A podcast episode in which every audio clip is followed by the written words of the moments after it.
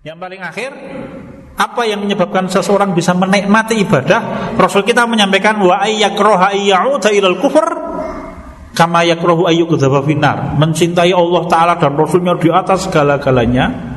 Mencintai orang lain karena Allah. Yang kedua, benci melakukan perbuatan kekufuran atau dosa seperti benci masuk neraka. Itu syarat yang ketiga. Kalau orang memiliki tiga perkara ini, dia akan merasakan mentaati Allah itu indah. Rasanya manis. Selalu diulang, selalu diulang, selalu diulang. Bahkan ketika dia ulang, dia tambah. Ya. Seseorang yang biasa membaca Quran setiap hari setengah juz, maka dia nanti akan terdorong untuk membaca Quran satu hari satu juz. Orang yang biasa membaca Quran satu hari satu juz Maka dia akan dibisiki oleh malaikat untuk membaca Quran satu hari satu setengah juz. Begitu terus. Ya, Kenapa? Karena memang mentaati Allah itu indah. Dan keindahannya tidak akan bisa dinikmati kecuali Ya orang yang merasakan. Tidak akan diketahui kecuali orang yang merasakan. Begitu disampaikan oleh Said Kutub rahimahullah hayatu fi Quran nikmatun nikmatun la ya'rif wa illa man ya tidak akan ada yang mengetahui kecuali yang merasakan. Kalau kita kepingin merasakan enaknya puasa sunnah silahkan puasa sunnah. Kalau kita kepingin merasakan enaknya qiyamulail silahkan kerjakan qiyamulail yang lama ibu-ibu bapak-bapak. Jangan qiyamulail cepet-cepet rasanya kepingin rampung itu sak rakaat wae ina atau ina niku rampung. Baru nonton bal-balan. Ya. Sak rakaat menika mboten napa-napa seperti yang dikerjakan oleh Utsman bin Affan radhiyallahu anhu belum pernah qiyamul lail satu rakaat ngatamke Quran, Pak. Pernah. Rasul kita itu pernah qiyamul lail satu rakaat. Ya, dan belum membaca satu ayat. Ayatnya adalah laisa bi amaniikum wala amani ahlil kitab may ya'mal su'ay yujza bihi wala yajid lahu min dunillahi waliya wala nasira dan itu dibaca dari mulai ba'da subuh ba'da ngisa sampai menjelang subuh baru kemudian beliau rukuk sujud sambil menangis sepanjang malam ini. Assalamualaikum warahmatullahi wabarakatuh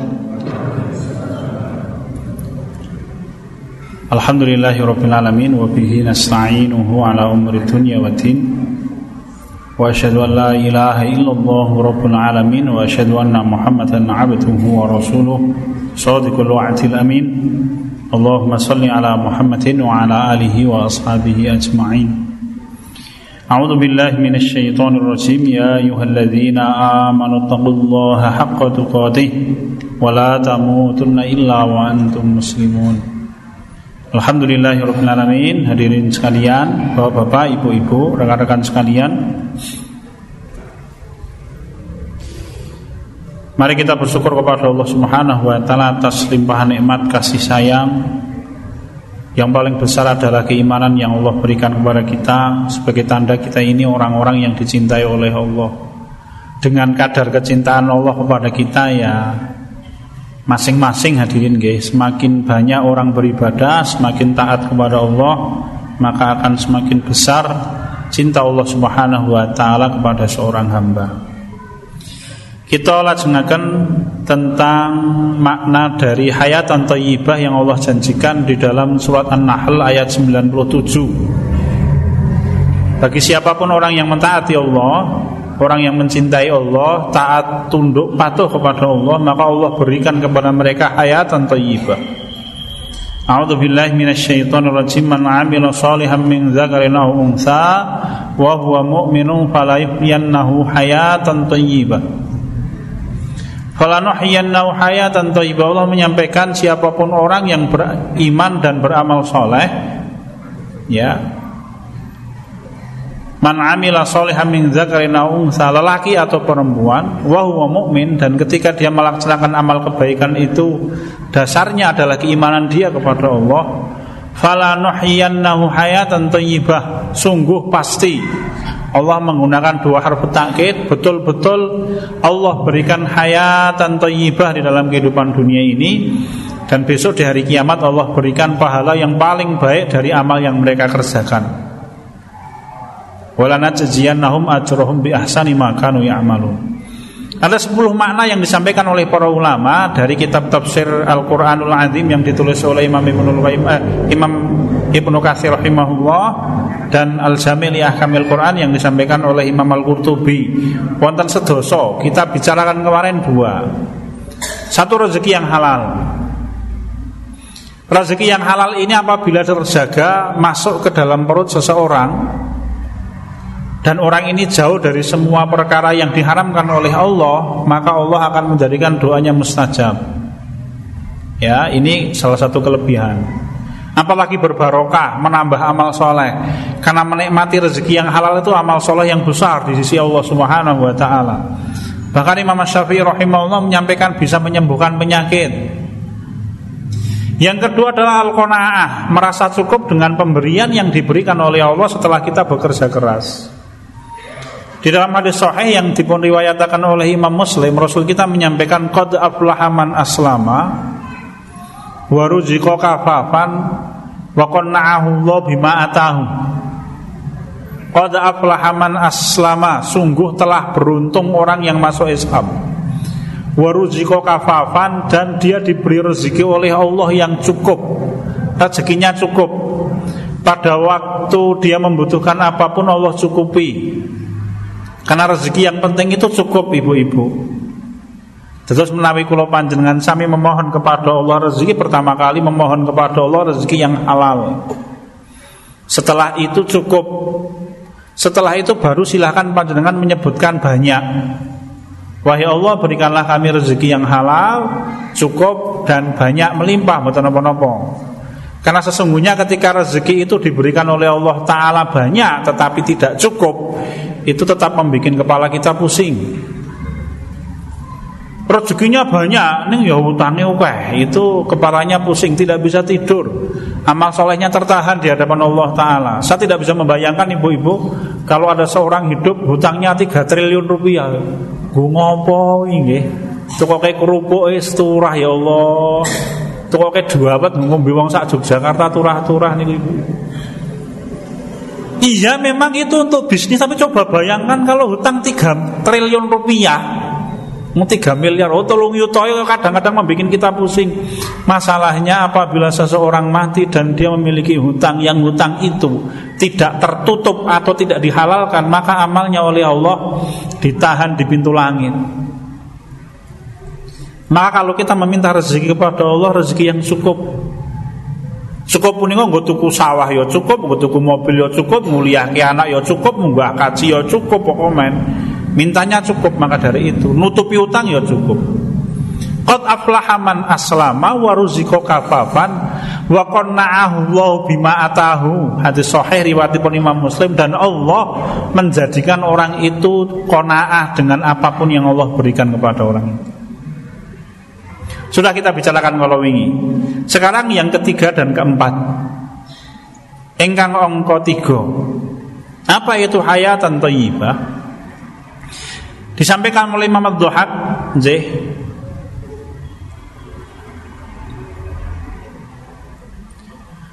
Beliau menyampaikan bahwa doha, hayatan thayyibah Imam Ad-Duhak menyampaikan hayatan thayyibah itu taufiqihi ila ta'at fa innaha tuaddi ila ridwanillah.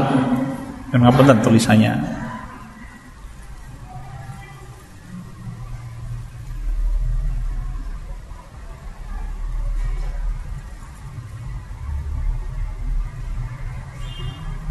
Jadi Allah Ta'ala memberikan taufik Apa itu taufik? Allah Ta'ala menyampaikan A'udzubillahi minasyaitonirrajim. Innaka la tahdi man ahbabta Walakin Allah yahdi man yasha. Ayat ini turun pada waktu Abu Talib meninggal dalam keadaan tidak mau masuk Islam. Nabi Muhammad Wasallam secara manusiawi beliau sedih karena seorang paman yang sangat dihormati, yang sangat dicintai, yang menghabiskan waktunya untuk membela perjuangan kanjeng Nabi kita Muhammad Shallallahu Alaihi Wasallam meninggal dalam keadaan tidak mau masuk Islam. Sampai di dalam satu riwayat Kanjeng Nabi Muhammad Shallallahu Alaihi Wasallam matur kepada Abu Talib di awal-awal dakwah. Wahai paman, sungguh anda adalah orang yang paling berhak untuk mendapatkan dakwah dari saya. Sejak hari pertama Rasul kita berdakwah sampai akhirnya Abu Talib meninggal, Abu Talib tidak mau masuk Islam. Maka Allah Ta'ala menurunkan firman-Nya Innaka la tahdi man ahbabta Walakin Allah yahdi man yasha Sesungguhnya engkau tidak bisa memberikan petunjuk kepada orang yang engkau cintai sekalipun wahai Muhammad. Allah ngendika ngaten datang kanjeng Nabi kita Muhammad SAW. Walakin Allah yahdi man yasha. Tetapi Allah lah yang memberikan petunjuk kepada orang yang dikehendaki oleh Allah. Tetapi di dalam ayat yang lain Allah menyampaikan tentang Rasul kita Muhammad SAW Wa innaka latahdi ila siratim mustaqim. Wa innaka dan sungguh engkau wahai Muhammad Latah di betul-betul memberikan petunjuk kepada manusia ila siratim mustaqim menuju jalan yang lurus. Yang satu mengatakan engkau tidak bisa memberikan petunjuk Tetapi ayat yang lain Allah menyampaikan Betul-betul engkau memberikan petunjuk Benten pun pun Bapak, Ibu-ibu Bedanya adalah Rasul kita itu memberi petunjuk dalam bentuk namanya hidayatul irsyad Petunjuk yang wujudnya adalah pengajaran. Ini haram, itu halal Kita boleh sholat sekian kali Sholat maghrib tiga kali Kalau puasa jangan makan, jangan minum dan lain-lain. Bentuknya adalah pengajaran-pengajaran menuju kebaikan. Rasul kita membacakan ayat Al-Quran yang isinya perintah. Rasul kita menyampaikan ayat Al-Quran yang isinya peringatan dan lain-lain. Tetapi Allah menyampaikan bahwa yang bisa mengambil peringatan dari Al-Quran hanyalah orang-orang yang beriman. Fazakir fa inna dzikra tanfa'ul mu'minin. Ya. Sesungguhnya yang bisa mengambil manfaat dari peringatan adalah orang-orang mukmin. Jadi pelajaran-pelajaran yang disampaikan oleh Allah Ta'ala kepada Rasul kita lalu disampaikan kepada umatnya Namanya hidayatul irsyad. Memang Rasul kita itu semua ucapannya adalah kebenaran. Ya, nasihat-nasihat beliau adalah kebenaran yang harus diikuti oleh manusia. Yang kedua Allah menyampaikan Inna kalatah diman ahbabtah Engkau tidak bisa memberikan petunjuk kepada orang yang engkau cintai wahai Muhammad. Apa maksudnya? Yang dimaksud adalah Hidayatut taufiq Yang kita bicarakan ini. Hidayatut taufiq. Hidayah, petunjuk yang wujudnya adalah taufik Taufik puniko hati terbuka untuk menerima kebenaran. Jadi seseorang mendengarkan ajaran kebaikan yang datang dari Nabi kita Muhammad SAW Kemudian hatinya terbuka lalu dia masuk Islam. Abu Talib tidak mau maka Rasul kita hanya bisa memberikan pengajaran kepada Abu Talib Tetapi Abu Talib hatinya dengan kebijaksanaan Allah Tidak dibuka sehingga Abu Talib tidak mau masuk agama Islam. Nah orang-orang yang beriman dan beramal soleh Maka Allah berikan hayatan toyibah.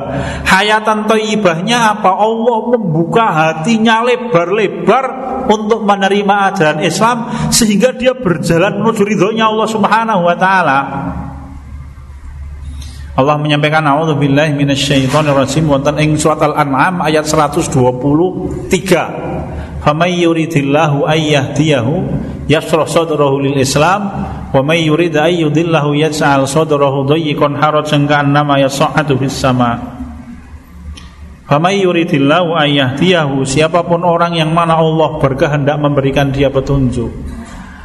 Apa tandanya? Yasrah sadrahu lil Islam Allah menjadikan orang itu dadanya lapang ketika menerima Islam gampang kan dan ini gampang Ya, kalau dia berbuat salah sekali, diingatkan maka dia langsung ingat kemudian langsung berubah, takut kepada Allah Subhanahu wa taala. Nabi Adam alaihissalam contohnya simbah kita. Pada waktu beliau berbuat salah sekali, kemudian belum mengalami peristiwa yang besar dilempar ke bumi ini, kemudian belum merasa menyesal dan sepanjang hayat belum meminta ampunan kepada Allah Subhanahu wa taala. Itu tanda orang baik. Ya lil Islam. Allah menjadikan orang itu dadanya lapang ketika menerima ajaran Islam. Tetapi kebalikannya wa may yurid ayyudillahu yaj'al sadrahu dhayyqan harajan ka'annama yas'adu fis sama. Tetapi siapa pun orang yang mana Allah berkehendak untuk menjauhkan dia dari kebenaran, maka Allah menjadikan dadanya sempit berat ketika menerima Islam, ketika menerima ajaran Allah seperti orang yang diajak naik ke langit. Meroket. Raiso napas. Jadi hadirin sekalian, Bahaya itu. Jadi kalau seseorang diingatkan dengan kebenaran susahnya minta ampun, maka berhati-hati. Orang itu sedang Allah jauhkan dari kebaikan, dari ridhonya Allah Subhanahu wa taala. J. Tadi kita bahas bakdo maghrib wonten ing masjid Aceh. Allah menyampaikan firman-Nya wonten ing surat Az-Zukhruf ayat 36 37. A'udzu billahi minasyaitonir rajim. Wa may ya'su an dzikri rahmani nubayyid lahu syaitana fa huwa lahu qarin wa innahum la yasuddunahum. Jadi kalau orang itu sudah lupa dari peringatan Allah Ta'ala Kemudian dia diikuti oleh setan Maka setan itu akan menghalangi dia dari jalan kebenaran. Orang-orang yang diikuti oleh setan itu ciri khasnya Apabila dia diajak untuk taat mengikuti ajarannya Allah Susahnya minta ampun Hati-hati, wono wae alasane, pokoknya wono wae pokoknya alasane. Bu opo? Diminta untuk sodako, wah anakku ajeng ujian ya mas bayar ujian. Berampung ujian, wah niki ajeng bayar utangi. Baru utangi dibayar, wah ini ajeng belanja. Es pokoknya wono wae alasan untuk tidak mentaati ajaran Allah Subhanahu Wa Taala. J, ngaten hadirin berhati-hati. Jadi tanda kebaikan itu apa? Allah membuka hati seseorang untuk mentaati kebenaran. Surat Al-An'am punika wau. Ayat 125 mohon maaf bukan 123 gitu. Jadi Allah membuka hatinya untuk mentaati Allah Subhanahu wa dimudahkan orang itu menerima kebenaran. Dan ini tanda kebaikan Bapak-bapak. Jadi Allah membimbing orang itu untuk mentaati Allah. Tidak terlalu susah Bayangkan kalau kemudian Allah Ta'ala menyampaikan Innalladzina kafaru Sabaun alaihim A'angzartahum am lam tungzirhum la yu'minun. Sesungguhnya orang-orang kafir itu sama saja engkau berikan peringatan Atau tidak engkau berikan peringatan Tidak akan beriman mereka kepada Allah Subhanahu Wa Ta'ala dikuandani kaya ngopo ya tidak akan berubah. Diingatkan dengan cara apa pun tidak berubah.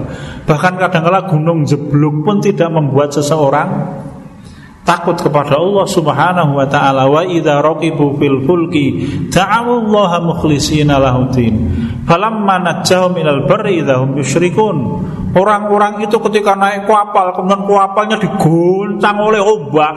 Wah nek naik kapal kita ya awake dhewe rada numpak pesawat Nyetos nek numpak pesawat zikir le drobimil sejak naik tangga pertama sampai akhirnya pesawatnya mendarat sepanjang zikir wae. Kenapa? Karena dia tahu kalau pesawatnya jatuh raming babak nggih to, raming abuh maut-maut apa yang dikerjakan zikir setiap saat begitu selamat menyekutukan Allah lagi lupa kepada Allah Subhanahu wa taala ini watak manusia mungkin-mungkin kalau panjenengan sami diselamatkan oleh Allah Subhanahu wa taala. Jadi hayatan thayyibah itu orang sepanjang hayat dibuat oleh Allah mudah menerima ajaran Allah sehingga semuanya mendatangkan ridho. Kenapa hadirin? Karena kalau orang dibimbing untuk beriman kepada Allah itu tanda cinta Allah. Inna Allah yu'ti dunya alaman yuhibbuhu wa man la Ketika Allah memberikan dunia itu diberikan kepada orang yang dicintai oleh Allah. Ada orang-orang yang dekat dengan Allah itu hartanya melimpah. Waman la Tetapi ada juga orang yang hartanya melimpah Dan Allah tidak suka babar belas kepada orang itu. Korun contohnya. Fir'aun contohnya. J wa yu'til imana ala man. Tetapi ketika Allah memberikan keimanan, kepatuhan manusia untuk mentaati Allah, maka itu diberikan kepada orang yang dicintai oleh Allah saja. Hanya memang kemudian datang suatu masa di mana orang tidak butuh cintanya Allah. Datang suatu masa di mana orang tidak lagi butuh mentaati Allah. Kapan? Akhir zaman. La taquma sa'atu hatta yuqbadul ilm. Tidak akan tegak hari kiamat sampai Allah mencabut ilmu Islam dari hati manusia. Atau kalau bahasa kita ya datang suatu masa di mana ada orang-orang yang beriman itu banyak yang tidak butuh orang yang mengaku beriman tapi dia tidak butuh beriman kepada Allah dan dia tidak butuh bimbingan Allah Subhanahu wa taala. Kapan akhir zaman lan kula panjenengan sami hidup di akhir zaman. Agama tidak terlalu penting. Sing penting oleh dunia, oleh dunia, oleh dunia. Hadirin sekalian asadani Allah ya mari kita berhati-hati. J Surat ayat 124 125. J Wa man a'radu an dzikri fa inna lahu ma'isyatan dzunka. Siapa pun orang yang berpaling dari peringatanku lupa dari Allah Ta'ala. Fa innalahu ma'isyatan dongka bagi dia hidup yang sempit koncone wah tapi merasa sendiri. Saya itu punya akun Twitter ibu-ibu. Beberapa hari yang lalu Indonesia itu jadi trending topiknya itu. Artis Korea mati bunuh diri gantung diri itu loh. Kok kemudian sulit sapa tak buka? Walah ya Allah Nggih, artis Korea penyanyi apa aku ora dong, Pak, Bapak. Ya, mati gantung diri lho kok jenengan ngertos. Saya tekon. Karena satu tidak membaca beritanya, ini artis kula mati bunuh diri, saya tanya waktu pengajian sama hadirin. Sakjane le mati ngopo to, Mbak? Oh, bunuh diri gantung niku, Pak. Oh, ngerti jebule ceritane. Ya, hadirin. Apa yang kurang? Wajah cantik, kekayaan punya. Dia dibully, Ming goro-goro dibully neng media sosial. Nek jenengan dibully neng media rasah diwaca rampung to. Sakjane nggih to. Ya sebenarnya hadirin. Ya, semoga Allah taala menguatkan hati kita. Karena kita itu butuh kedekatan diri kepada Allah untuk apa? Menguatkan jiwa agar tidak manja. Ya, kita memohon perlindungan kepada Allah Subhanahu wa taala. Punika ingkang ketiga, taufik. Jadi Allah mengarahkan hidup orang itu untuk selalu mentaati Allah sampai kapan pun sehingga ketika dia bertemu dengan Allah dalam keadaan beribadah kepada Allah. Al-Hijr ayat 99 wa'bud rabbaka hatta ya'tiyakal yakin dan ibadahilah Rabbmu Allah sampai engkau bertemu dengan kematian.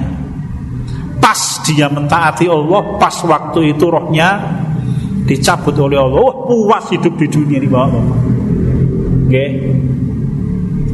Waman jos atau puas rasanya apa itu kita mati dalam mentaati Allah wis nikmat yang luar biasa apalagi nanti jadi mati mentaati Allah kan kali mati di dalam Islam dan mati di dalam memperjuangkan Islam yang lebih mulia lagi kita mati dalam keadaan memperjuangkan agamanya Allah mengembalikan haknya wah lebih hebat lagi itu Puas rasanya bapak-bapak ibu-ibu. Ngaten. Punika angka tiga. Angka sekawan al jannah. Ini pendapatnya Imam Mujahid bin Jabar rahimahullah. Seorang ulama besar tabi'in muridnya Imam Sahabat Abdullah bin Abbas radhiyallahu anhu ahli tafsirnya tabi'in belum menyampaikan ya surga Kenapa Hasan al Basri rahimahullah menyampaikan la yatibul hayata illa fil jannah tidak ada kehidupan yang baik kecuali di surga.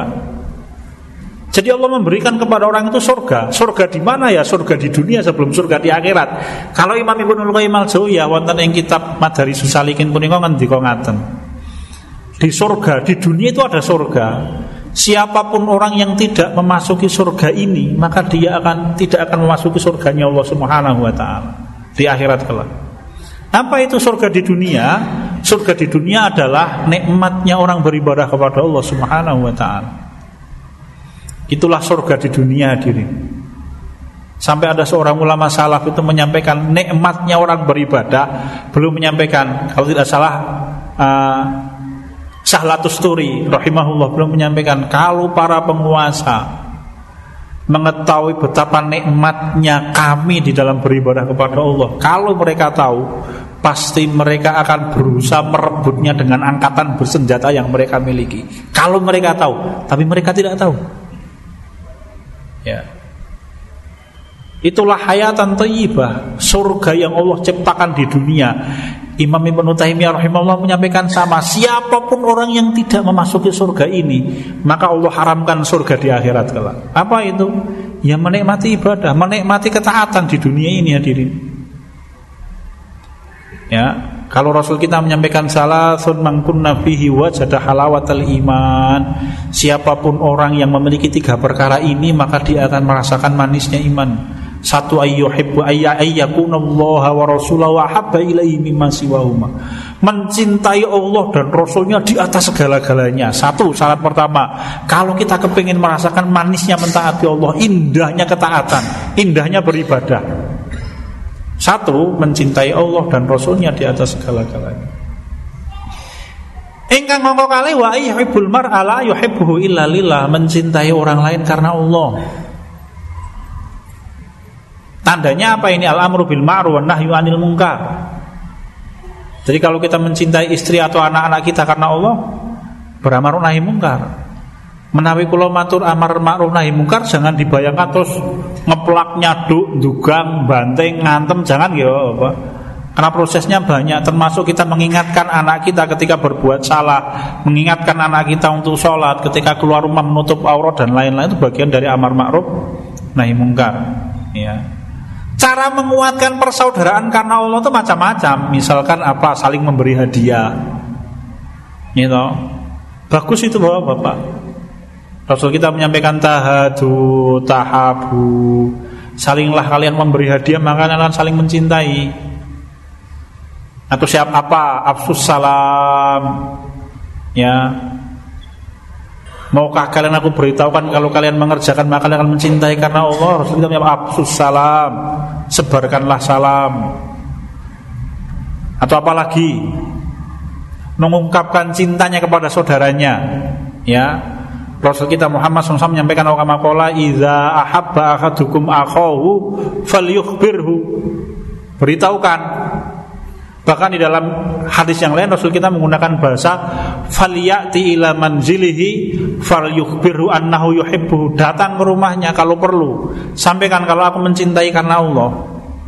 Ming yo laki-laki dengan laki-laki nggih Mas dereng nikah-nikah niki. Lanang karo lanang, wedok karo wedok. Coba-coba mara ning omahe wong wedok ngono kuwi ya gawe perkara jenengan. Gombal niku Pak nggih. Maksudnya menyampaikan ini ya bagi lelaki dengan lelaki, ya kan? Sunnah itu. Wahai saudaraku, aku mencintaimu karena Allah. Di sunnah kan begitu. Laki-laki dengan laki-laki, atau kalau wanita ya dengan wanita. Gitu, ojo mas-mas sing dorong nikah jomblo-jomblo Ono awal di WA, aku mencintaimu ukti karena Allah. Jawaban Mbak Gombal. Lain jawab tartil nggih. Gombal. Ya, jawabannya begitu. Karena itu berlaku untuk lelaki dengan lelaki atau wanita dengan wanita. Karena cinta karena Allah Subhanahu wa taala. Ya kecuali memang mahramnya misalkan seorang adik dengan kakaknya, adiknya laki-laki, kakaknya perempuan, terus adik aku mencintaimu karena Allah boleh. Atau seorang suami pada istrinya boleh mboten-mboten mboten napa aku mencintaimu karena Allah. Penting loh ibu-ibu, bapak-bapak, ungkapan cinta di dalam pernikahan itu penting loh. Ini aja mung biyen, ngeto zaman saat durunge nikah. Bar niku nikah 15 tahun, 20 tahun selali. Kapan, Kang? Saya memang gabrus gabrus nek butuh rampung. Jangan begitu hadirin sekalian Allah ya. Jadi yang keempat al-jannah, surga. Imam Hasan al-Basri menyampaikan la yudhibul hayah ilal fil jannah. Ya memang tidak ada kehidupan yang nikmat kecuali di surga. Hanya para ulama menyampaikan ada surga di dunia. Ya, siapa pun yang tidak memasukinya, maka Allah akan menghalangi dia untuk memasuki surganya di akhirat. Apa itu? Nikmatnya beribadah. Yang paling akhir Apa yang menyebabkan seseorang bisa menikmati ibadah? Rasul kita menyampaikan wa ayyakroha ayyauda ilal kufur kama yakrohu ayyukdzaba finnar. Mencintai Allah taala dan rasulnya di atas segala-galanya. Mencintai orang lain karena Allah. Yang kedua, benci melakukan perbuatan kekufuran atau dosa seperti banci masuk neraka. Itu syarat yang ketiga. Kalau orang memiliki tiga perkara ini, dia akan merasakan mentaati Allah itu indah rasanya manis. Selalu diulang, selalu diulang, selalu diulang. Bahkan ketika dia ulang dia tambah. Ya. Seseorang yang biasa membaca Quran setiap hari setengah juz maka dia nanti akan terdorong untuk membaca Quran satu hari satu juz. Orang yang biasa membaca Quran satu hari satu juz Maka dia akan dibisiki oleh malaikat untuk membaca Quran satu hari satu setengah juz. Begitu terus Ya, kenapa? Karena memang mentaati Allah itu indah. Dan keindahannya tidak akan bisa dinikmati kecuali ya orang yang merasakan, tidak akan diketahui kecuali orang yang merasakan. Begitu disampaikan oleh Said Kutub rahimahullah hayatu fi Quran nikmatun nikmatun la ya'rif wa illa man ya tidak akan ada yang mengetahui kecuali yang merasakan. Kalau kita kepengen merasakan enaknya puasa sunnah, silahkan puasa sunnah. Kalau kita kepengen merasakan enaknya kiamulail, silahkan kerjakan kiamulail yang lama, ibu-ibu, bapak-bapak.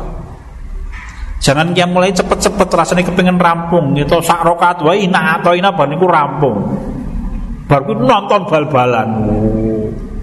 Ya, rakaat punika mboten napa-napa seperti yang dikerjakan oleh Utsman bin Affan radhiyallahu anhu belum pernah qiyamul satu rakaat ngatamke Quran, Pak. Pernah. Rasul kita itu pernah qiyamul satu rakaat. Ya, dan belum membaca satu ayat. Ayatnya adalah laisa bi amaniikum wala amani ahlil kitab may ya'mal su'ay yujza bihi wala yajid min dunillahi waliya wala nasira dan itu dibaca dari mulai ba'da subuh ba'da ngisa sampai menjelang subuh baru kemudian beliau rukuk sujud sambil menangis sepanjang malam ini. Itu ayat yang kata para sahabat membuat Rasul kita wanen rambutnya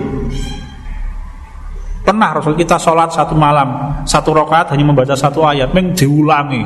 Sepanjang malam sampai menjelang subuh Kemudian beliau ruku Lalu kemudian beliau sujud Lalu kemudian beliau tahiyat Kemudian salam Kemudian sebentar beliau istirahat Setelah dan subuh Satu rakaat pancen.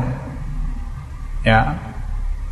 Atau kalau waktunya kepepet nggih monggo mboten napa-napa Bapak nggih bangun misalkan panjenengan tahu azan subuh tinggal seperempat jam gitu.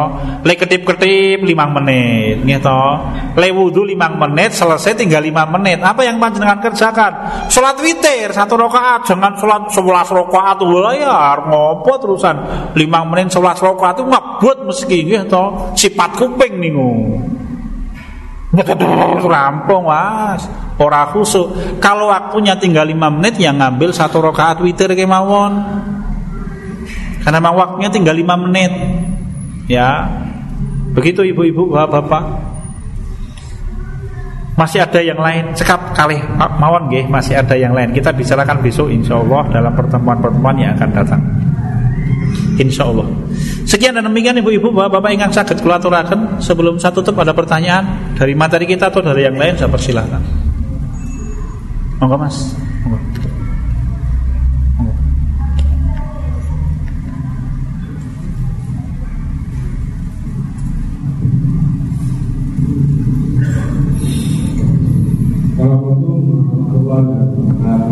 Waalaikumsalam warahmatullahi wabarakatuh.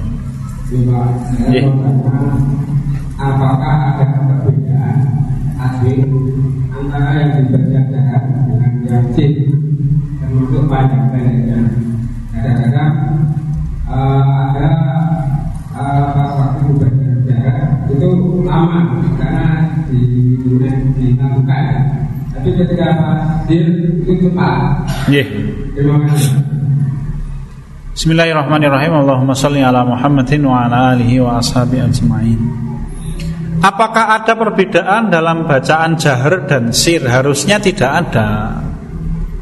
Seharusnya kalau saya memahami justru ketika kita sholat sendirian itu sholatnya panjang Kalau kita sholat bersama dengan imam maka kita ikut imamnya Kalau kita sholat mengimami makmum berarti kita menenggang rasanya Para makmum yang sepuh-sepuh Sehingga bacaannya tidak terlalu panjang Kapan kita bacaannya panjang ketika kita sholat sendirian Ning biasanya kuali ning saniki gitu, mana sholat dewi ngebut, nek bareng-bareng rada Jawa. Harusnya itu justru ketika kita sendirian itu yang kita panjangkan. Tapi kalau bacaannya sama saja sebenarnya. Nggih kaidahnya kaidah napa niki? Tajwid menika, Pak.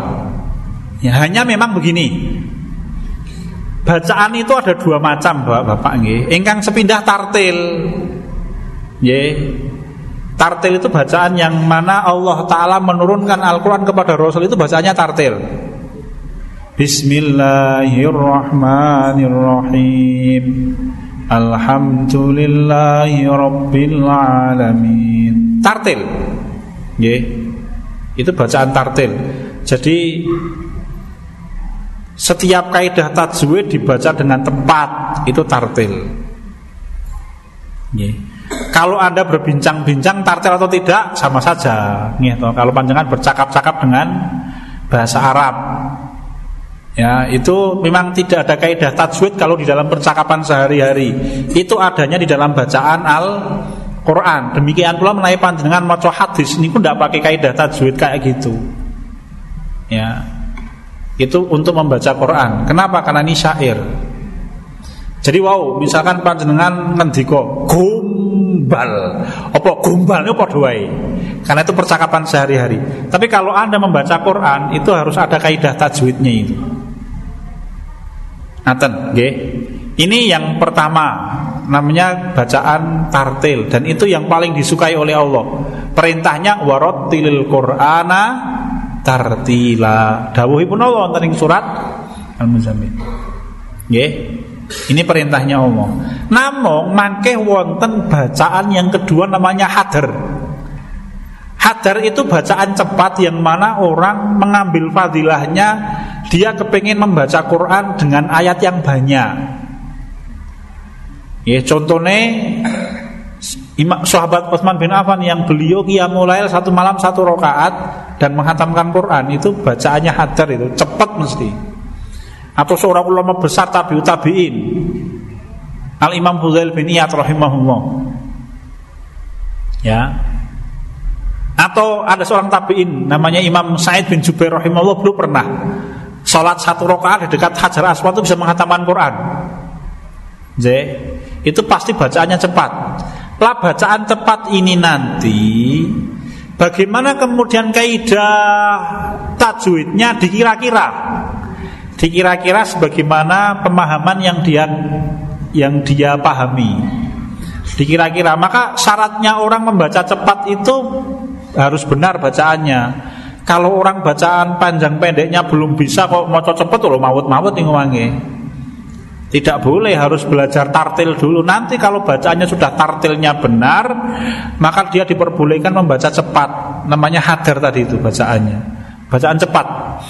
Bismillahirrahmanirrahim. Alhamdulillahirabbil alamin arrahmanirrahim. Maliki yaumiddin. Iyyaka na'budu wa iyyaka nasta'in. Ihdinas siratal mustaqim. Siratal ladzina an'amta 'alaihim ghairil maghdubi 'alaihim waladdallin. Cepat bacaannya Orang membaca cepat fadilah yang dia ambil adalah banyaknya ayat yang dibaca maka biasanya bacaan hadar itu untuk ayat surat yang panjang-panjang.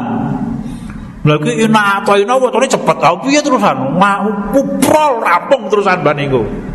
Biasanya bacaan hadar itu untuk surat yang panjang.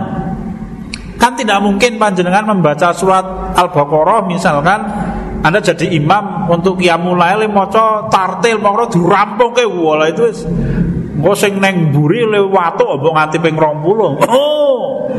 Oh, ngoten niku. Maka lalu dia bacanya cepat. Nggih, kenapa? Karena suratnya panjang. Ngaten nggih, Mas? Nggih. Satu tarian napas itu saya belum pernah mendapatkan dalilnya nggih. Ada saya pernah mendapatkan ustadz yang menyampaikan katanya sunnahnya maca Al-Fatihah itu satu tarian napas katanya.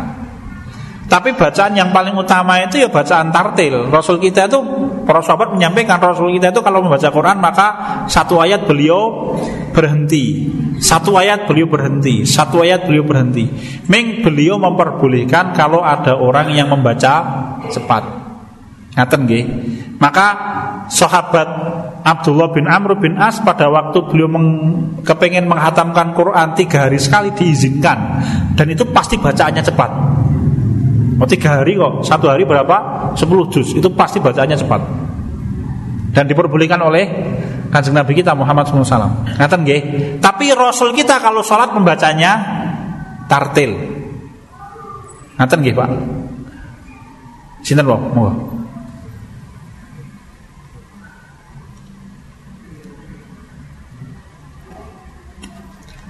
Bismillahirrahmanirrahim saya menjawab poin yang tadi saya yeah. itu mungkin sebenarnya hidayah dari Allah Subhanahu Wa Ya. Dan hidayah itu kan berbagai macam hal menjadi hak dari Allah. Yeah. Ada yang yakin, ini misalnya juga mungkin lewat satu pengalaman, Yeah. sudah dan hal yang berikutnya ada satu kasus ketika seorang suami dan istri itu menikah pada posisi Okay. Di tengah perjalanan salah satu di antaranya itu memang berbeda dan Bapak satu kejadian istrinya. Oh. Nah, tetapi sang istri pun bersadar Yeah. atas pengalaman suami. Makanya status dari pernikahan seperti apa Yeah. Dan juga status istri tadi yang uh, kemudian dia tidak berani kepada Yes. suami. Yeah. Kalau ada sepasang suami istri yang kondisinya kafir kemudian mereka bareng-bareng masuk Islam, ya banyak ulama berpendapat tidak perlu memperbaiki, memperbarui akad nikah. Syaratnya dua-duanya masuk Islam bareng loh. Begitu. Kalau kemudian istrinya mendapatkan hidayah sedangkan suaminya belum, maka berarti akad nikahnya batal. Kenapa haram? Jadi akad nikahnya otomatis batal. Sehingga kalau sang istri tidak memberitahukan suaminya, ya berarti selama dia tidak memberitahukan itu proses pernikahan dia kalau dia berhubungan suami istri hitungannya zina itu nanti. Jadi Begitu. Kenapa? Karena sing masuk Islam istrinya. Tapi kalau misalkan yang masuk Islam adalah suaminya dan agamanya ahlul kitab, boleh kan menikahi ahlul kitab wanita? Itu nanti bisa diperbincangkan itu, Mas. Tapi karena itu istrinya kan yang masuk Islam terlebih dahulu, maka ya harus disampaikan aku mau Islam ya Pak nih. Akadnya otomatis batal. Karena tidak boleh seorang lelaki agamanya selain Islam menikahi seorang muslimah, hukumnya haram. Tapi kalau misalkan suami istrinya itu masuk Islamnya bareng-bareng, itu banyak para ulama yang menyampaikan tidak perlu memperbarui akad nikah, sudah dianggap sah dulu nikahnya itu. Kenapa? Karena mereka masuk Islamnya bareng-bareng. Begitu. Nanti ya Mas. Jadi kalau kasusnya tadi istrinya itu ya lah bagaimana kemudian kalau suaminya setelah itu jarak beberapa waktu kemudian masuk Islam diperbarui akad nikahnya. Karena pernikahan pertama batal gara-gara suaminya terlambat masuk Islamnya. Kan tidak diperbolehkan toh? Begitu. di tengah perjalanan itu sudah mati J. posisinya sudah masuk Islam J. sepengetahuannya Ah. kan yang dilakukan berzina J. itu mati Ya tetap berarti dia muslimah. Tetap muslimah nggih, mlebu swarga insyaallah. Masalah dosanya tidak akan menyebabkan dia kekal di dalam api neraka. Dia muslimah dan dia nanti berhak untuk mendapatkan surganya Allah. Masalah dosa-dosanya ya dikembalikan kepada Allah. Tapi intinya tadi tidak boleh. Ya, semoga Allah mengampuni dosanya. Ya. Gitu nggih. Ada yang lain? Wonten pamrutan besok malih. Sekap. Monggo Mas.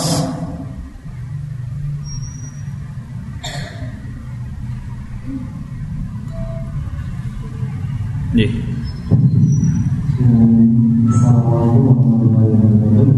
Assalamualaikum. warahmatullahi wabarakatuh. Assalamualaikum Ya. Jadi nama kita? Nah mungkin eh, bagaimana bila kasusnya kalau utang itu eh, yang pertama tidak bisa dibaca, entah itu bentuknya, nominalnya ataupun kepada siapa. Nah itu mungkin ya ada dari kita yang di sini mungkin punya utang ya yang terpakai atau Iya. tidak bisa dibaca. Nggih. Bagaimana kalau misalkan kita punya utang, kita baru ingat sebelumnya digulai sing kita dulu pinjemi ora ono. Dianya tidak ada, anak cucunya juga tidak ada atau piye. Ada sebagian ulama Syekh Abdul Aziz bin Bas rahimahullah itu yang belum menyampaikan kita caranya adalah kita sodakohkan sebesar hutang itu dengan niat pahalanya orang yang dulu kita pinjami itu. Jadi kita bayar dengan cara nek ora ketemu wonge piye. Maka harta itu kita keluarkan dengan niat ini kita sodakohkan pahalanya bagi orang yang dulu kita hutangi. Itu salah satu cara yang beliau sampaikan. Ngaten mas. Tapi intinya ya tetap di- dibayar. Ini kan masalahnya Anda tidak tahu di mana orangnya dulu, cucunya juga tidak ada, putrane nggih mboten ketinggal, pindah alamat gitu. Bedol desa pokoknya tidak tersisa ya sudah, caranya begitu. Ngaten nggih? Nggih, sami-sami. Ada yang lain? Cekap. Cekap. Ya, kita tutup. Kalau tidak ada pertanyaan yang lain, monggo kita tutup dengan doa kafaratul majelis. Subhanakallahumma wa bihamdika asyhadu an la ilaha illa anta astaghfiruka wa atubu ilaik. Alhamdulillahirabbil alamin. Assalamualaikum warahmatullahi wabarakatuh.